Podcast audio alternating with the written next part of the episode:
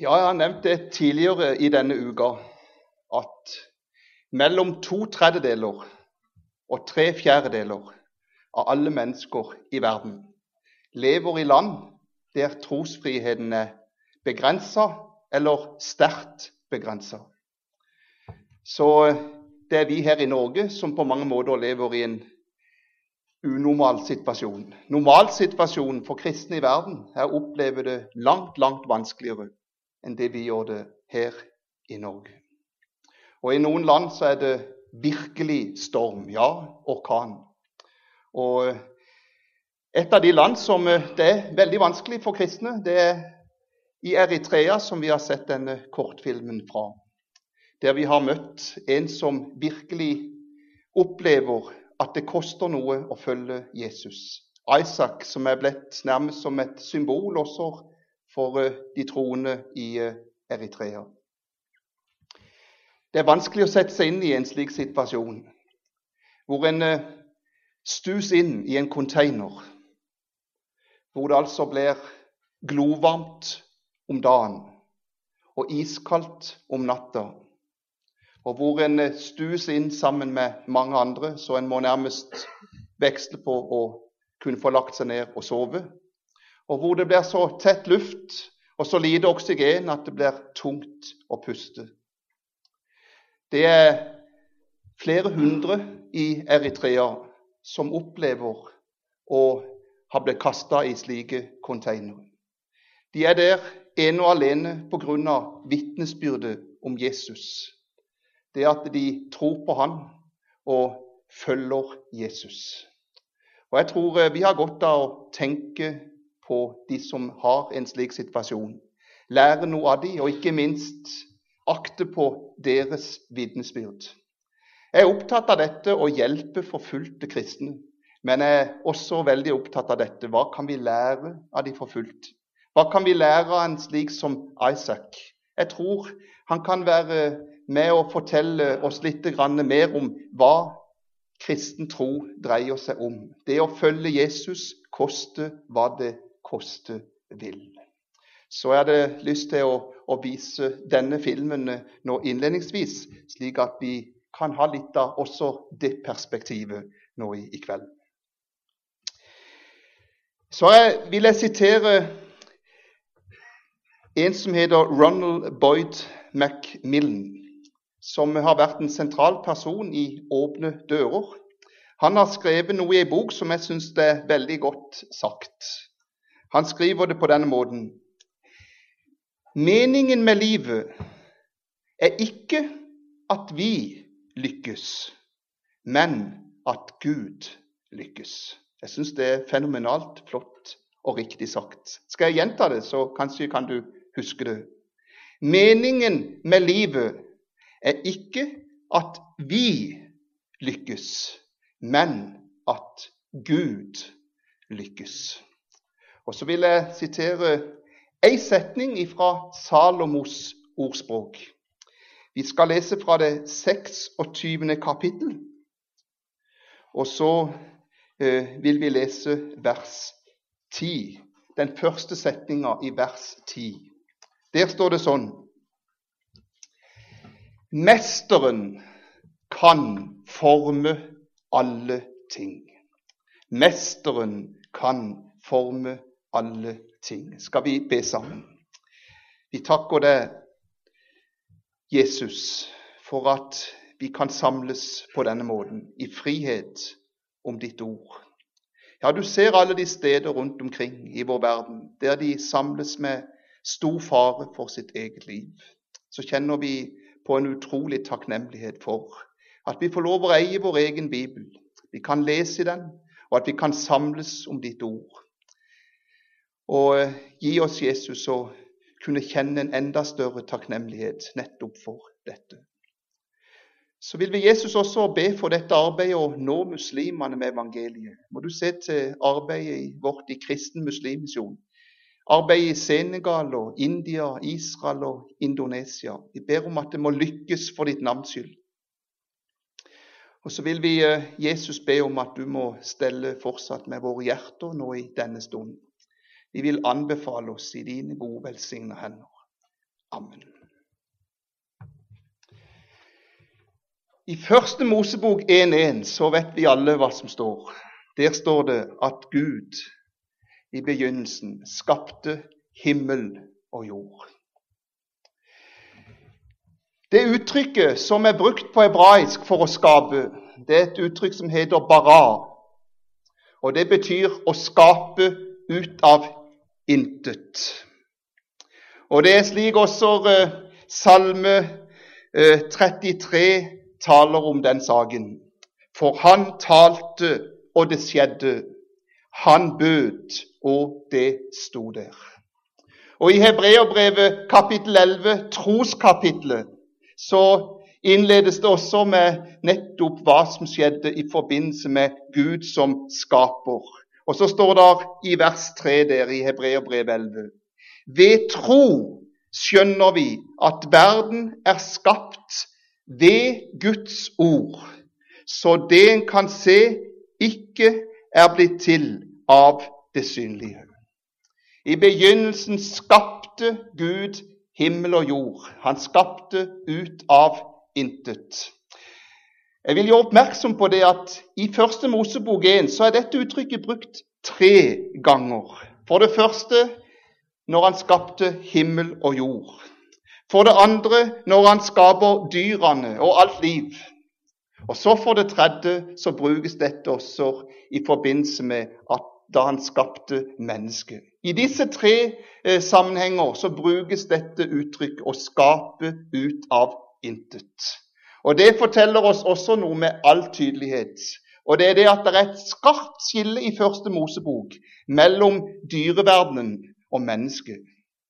Så også i, i selve uttrykket som her brukes, så utelukkes fullstendig en evolusjon, at mennesket skulle være en høyerestående apekatt. Det er fullstendig fremmed for Bibelen. Gud har skapt mennesket i sitt bilde. Det er også i en annen sammenheng brukt ordet 'bara' i Det gamle testamentet, som jeg syns er flott å merke seg. Og det er når Han som har skapt himmel og jord, gjør noe med våre hjerter. I eh, Salme 51 i vers 12 så står denne setninga Gud, skap i meg et rent hjerte og forny en stadig ånd inni meg. Vet du hvilket uttrykk som er brukt der? Gud, skap i meg et rent hjerte. Der er det brukt det samme ordet som da Gud skapte himmel og jord. Det er brukt ordet 'bara', som betyr altså å skape ut av intet. Hva betyr det? Jo, det betyr det at når det gjelder våre hjerter, så er det ingen forutsetninger for det som er rent. Det er noe som er gått i stykker. Det er noe som, eh, som er ødelagt. Og når derfor ting skal bli rett, så må Gud skape noe ut av intet. Og det er det, det er det, Gud gjør ved sitt ord. Det er derfor det er så viktig med Guds ord. Det var dette Isak kjempa så for. Å kunne få lese Guds ord, det hadde en ufattelig stor betydning. Det var han villig til å motta slag og trusler og vold i forhold til. Og hvor vi har grunn til å elske Guds ord. For Guds ord, det er levende. Guds ord skaper liv av døde. Det er det som skjer når det samme ord som lød slik at himmel og jord sto der, når det får virke i våre hjerter, så skapes det noe som ikke var der i utgangspunktet. Og Derfor så ser vi i Det nye testamentet, ikke bare en gang, men flere plasser, hvordan Gud omtaler Guds barn. Det står at et Guds barn er en ny skapning. Så det er en ny skapning fordi det er Gud som ved sitt ord og ved sin ånd har grepet inn. Og Du kjenner kanskje det uttrykket og det ordet fra 2. Korintiabrev kapittel 5 og vers 17. Der står det derfor om noen er i Kristus, da er han en ny skapning. Det gamle er forbi. Se, alt er blitt nytt. En nyskapning i Kristus Jesus. Og Galaterbrevet kapittel 6 sier at det som betyr noe, det er å være en ny skapning. Så det er det ene uttrykket som Bibelen bruker i Første Mosebok. Men når du kommer til Første Mosebok kapittel 2, så brukes det også et annet uttrykk. Og det er uttrykket 'å forme'. Det er ikke noe motsetningsforhold mellom Første Mosebok 1 og Første Mosebok 2. Det er noen som taler som om det skulle være to motstridende skapelsesberetninger. Nei, det er en skjønn harmoni mellom disse to kapitlene. Det er akkurat som en får et lite dybdedykk i det andre kapittel når det gjelder skapelsen, og også hvordan Gud skaper mennesket. Og så brukes der uttrykket 'å forme'.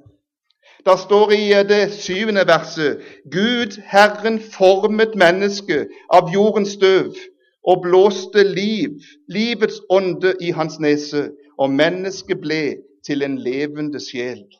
Og I det åttende verset står det at Gud, Herren, plantet en hage i Eden i Østen.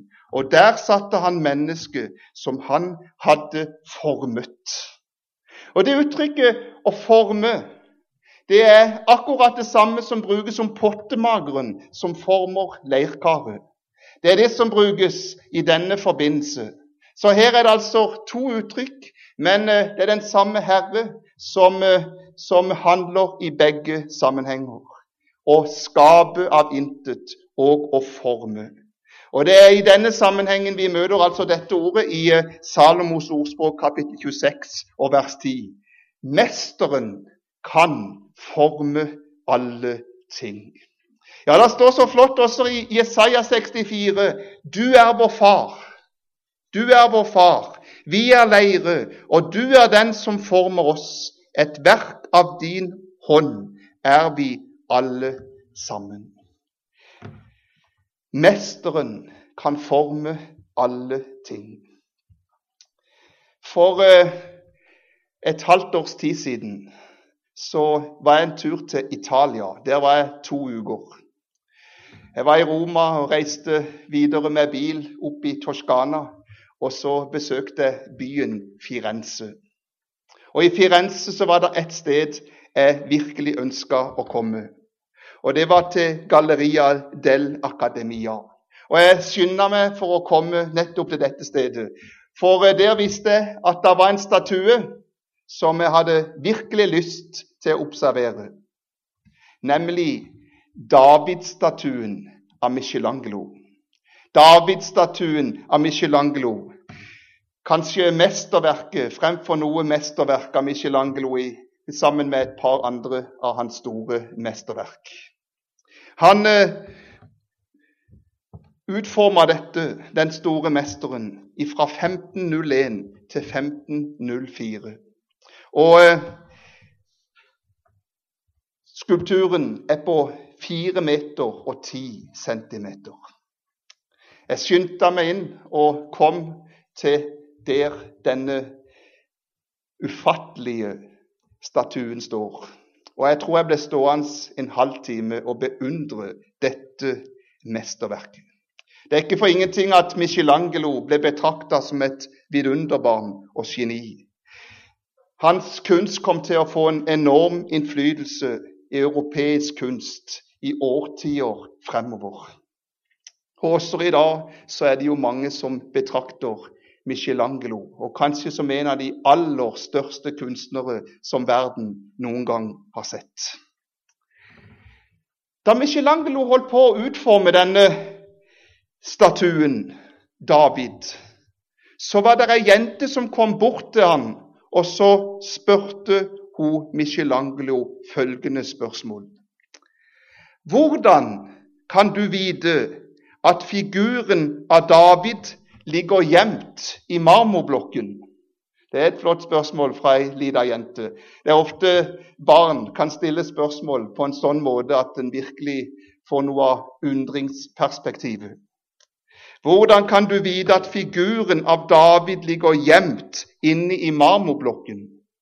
Og Michelangelo han eh, fortalte om hvordan han så dette mesterverket i sitt indre. Og så var det at han fortalte at han så det store potensialet i den uslipte steinen. Jeg syns det er utrolig flott. Han så potensialet i den uslipte steinen. Denne jenta hun fortsatte med å spørre, og så spurte hun også hvordan kan du få frem den flotte skulpturen? Hvordan er det mulig? Og Michelangelo han svarte som rett var Jeg tar bort alt det som ikke skal være der. Jeg tar bort alt det som ikke skal være der. Michelangelo så altså i marmorblokka potensial i den uslipte steinen.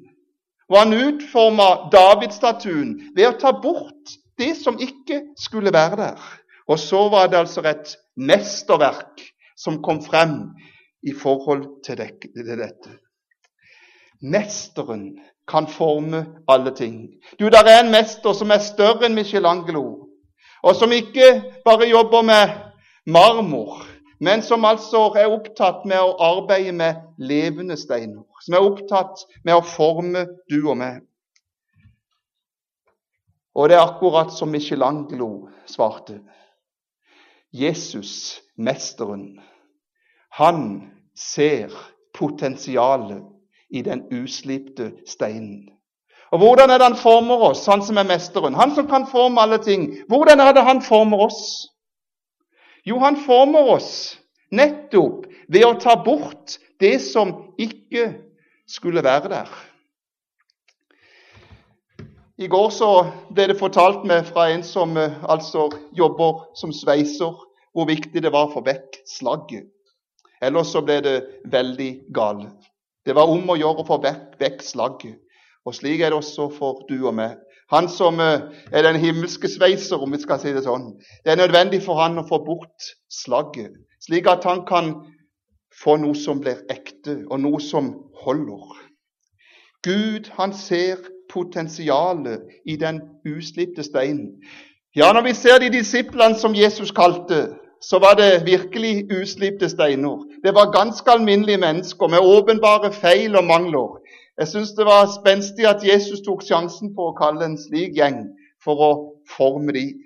Men mesteren, han makta det.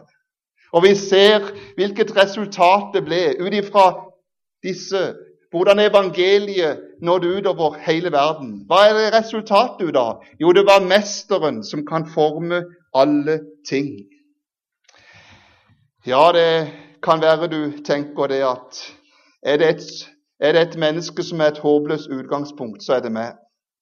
Da har jeg lyst til å si det er det mest håpløse utgangspunkt som kanskje kan bli det beste resultat.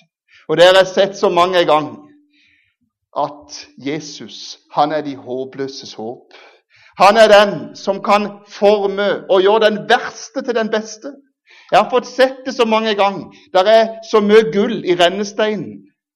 Den som opplever at en ikke får det til, at det var så mislykka Jeg har lyst til å si det. Du passer utrolig godt sammen med Jesus. For Mesteren han er i stand til å forme alle ting. Du, Det var et dårlig utgangspunkt. Hvis du leser i Efeserbrevet 2 Det var det aller verste utgangspunkt. Mennesker som eh, sleit med det ene og det andre. Men så kom altså Jesus inn i livet. Og så leser vi om en oppadstigende kurve. Og så er det på dette grunnlag at vi også leser i det tiende verset. For vi er Hans verk, skapt i Kristus Jesus til gode gjerninger som Gud forut har lagt ferdige for at vi skulle vandre i dem. Her, eh, her er det brukt et gresk ord for, eh, for verk som heter poema, som betyr egentlig et arbeidsresultat, eller det som er gjort. Det er en mester som altså er i stand til å forme noe. Og Jeg fant en eh, flott oversettelse i en engelsk bibeloversettelse. New Living Translation. Der står det på denne måten For we are God's masterpiece. Det betyr altså for vi er hans mesterverk. Er ikke det flott? Det verste utgangspunktet var Herren i stand til å gjøre til sitt mesterverk. Det som er så viktig, det er det at vi får være i Hans hånd. Det er at ikke vi velger å gå egne veier, men at vi kan være der Han former, og der Han får danne oss. Han som var tømmermann når han var her i verden. Når jeg var liten, så så jeg for meg Jesus med en høvel. Jeg tror ikke det er sånn. Det var nok steinarbeider han var, Jesus. Han jobba tungt. Og det står om denne mesteren som kom, tømmermannen. Det står om han i Salomos ordspråk, det åttende kapittel. Han er beskrevet som visdommen, han er verksmesteren, han er kunstneren. Han som har skapt makrokosmos og mikrokosmos fra alle planetene og universet like ned til det minste atom. Jeg skal si han er litt av en mester. Det er han som altså bygger med levende steiner. Vet du hva Gud er opptatt med? Han er opptatt med å bygge mennesker. Det er han opptatt av. Han er opptatt av at du og meg skal passe inn i eh, byggverket. Levende steiner. Gud kan forme, mesteren kan forme alle ting. For ca. 100 år siden så satt der ei dame, Adelaide Pollard, sorgfullt eh, og sorgtung i sitt hjem fordi hun ikke hadde vært i stand til å skaffe nok penger til å dra til Afrika som misjonær. To forhold kom til å hjelpe denne dama. For det første budskapet fra profeten Jeremia om eh, pottemageren og leirkaret. Og det andre som hjalp henne, det var at hun var på et bønnemøte. Og det var ei kvinne som ba følgende bønn på dette bønnemøtet. Herre, det betyr ikke så mye hva du enn gjør med oss, bare du kan få din vilje med våre liv. Resultatet ble en sang, en sang som ble født i det øyeblikket. I eh, Pollard sitt hjerte. Du har kanskje hørt den sangen. Den heter Dann du meg, Herre, helt ved din ånd. For meg som lære i mesterhånd. Ta meg og dann meg slik som du ser, at det til gagn for saken din er. Et par-tre forhold til har jeg lyst til å minne om. For det første når jeg var der i Firenze og så på Davidstatuen, så la jeg også merke til og det hadde jeg også hørt lite grann om. Det er en av de mest bevokta statuer i verden. Det var overvåkningskameraer alle veier. Den ble virkelig overvåka, denne statuen. Det ble fulgt med i hva som skjedde, at ikke noe skade skulle skje på denne statuen. Og jeg må si at Også i den sammenheng så, så syns jeg det er godt å tenke på en som våker over oss. Se, han sover ikke og slumrer ikke, Israels vokter. Ja, det er sant, han sov når han var her på jord. Eh, da sov han i båten. Men for oss så kan vi regne med at Salme 121 det holder. Se, han sover ikke og slumrer ikke, Israels vokter. Jesus han har satt seg ved Faderens høyre hånd som vår ypperste prester, som vår talsmann og som vår forbeder. Og der sitter han og så er han i heldøgnsaktivitet på tronen i ditt og i mitt sted. Gud er på tronen ennå. Han kommer sin i hu. Tror du ikke han har kontrollen? Han har fullstendig kontrollen. Og han eh, våker over sitt mesterverk. Han våker over du og meg. Vi skal få lov å regne med Jesus. Vi skal få lov å regne med at han passer på oss. Det er en som er i stand til å ta vare på oss og det er Jesus. La han få lov til å ta vare på deg. Bruk hans ord. Be til han. Vær sammen med de troende. Og vær du sikker, han vil bruke alt dette for å passe på oss og ta vare på oss. Du er hans mesterverk. Han former deg. Vil være litt personlig. Kona mi Eva hun ble brått alvorlig syk. Og Det var årsaken også til at jeg slutta i kristen muslimmisjon eh, og gikk inn i nye oppgaver. Jeg er nødt til å være mer hjemme. Plutselig så var livet fullstendig endra. Og eh, fra å være aktiv til å bli liggende mer eller mindre tre og et halvt år, fire år i senga. I den nøden og den smerten som det innebar, så møtte Gud også på dypet. Hun kom til å skrive mange tekster, mange dikt, som jeg også eh, har vært med og eh, lagt til rette for, slik at det har kommet ut i to bøker. Et av diktene som hun har skrevet, handler nettopp om eh, mesteren som kan forme alle ting. Om mesterverket. Og så skriver hun det på denne måten. Du er et mesterverk. Den Gud som dannet og skapte deg i sitt bilde, skaper bare originaler. Nettopp i deg har han lagt ned noe han aldri før har skapt, og som han ikke skaper igjen. Du er et mesterverk, du er ingen kopi. Din sjel er vevet sammen etter et mønster som aldri før er brukt, og som ikke vil bli brukt om igjen som menneske.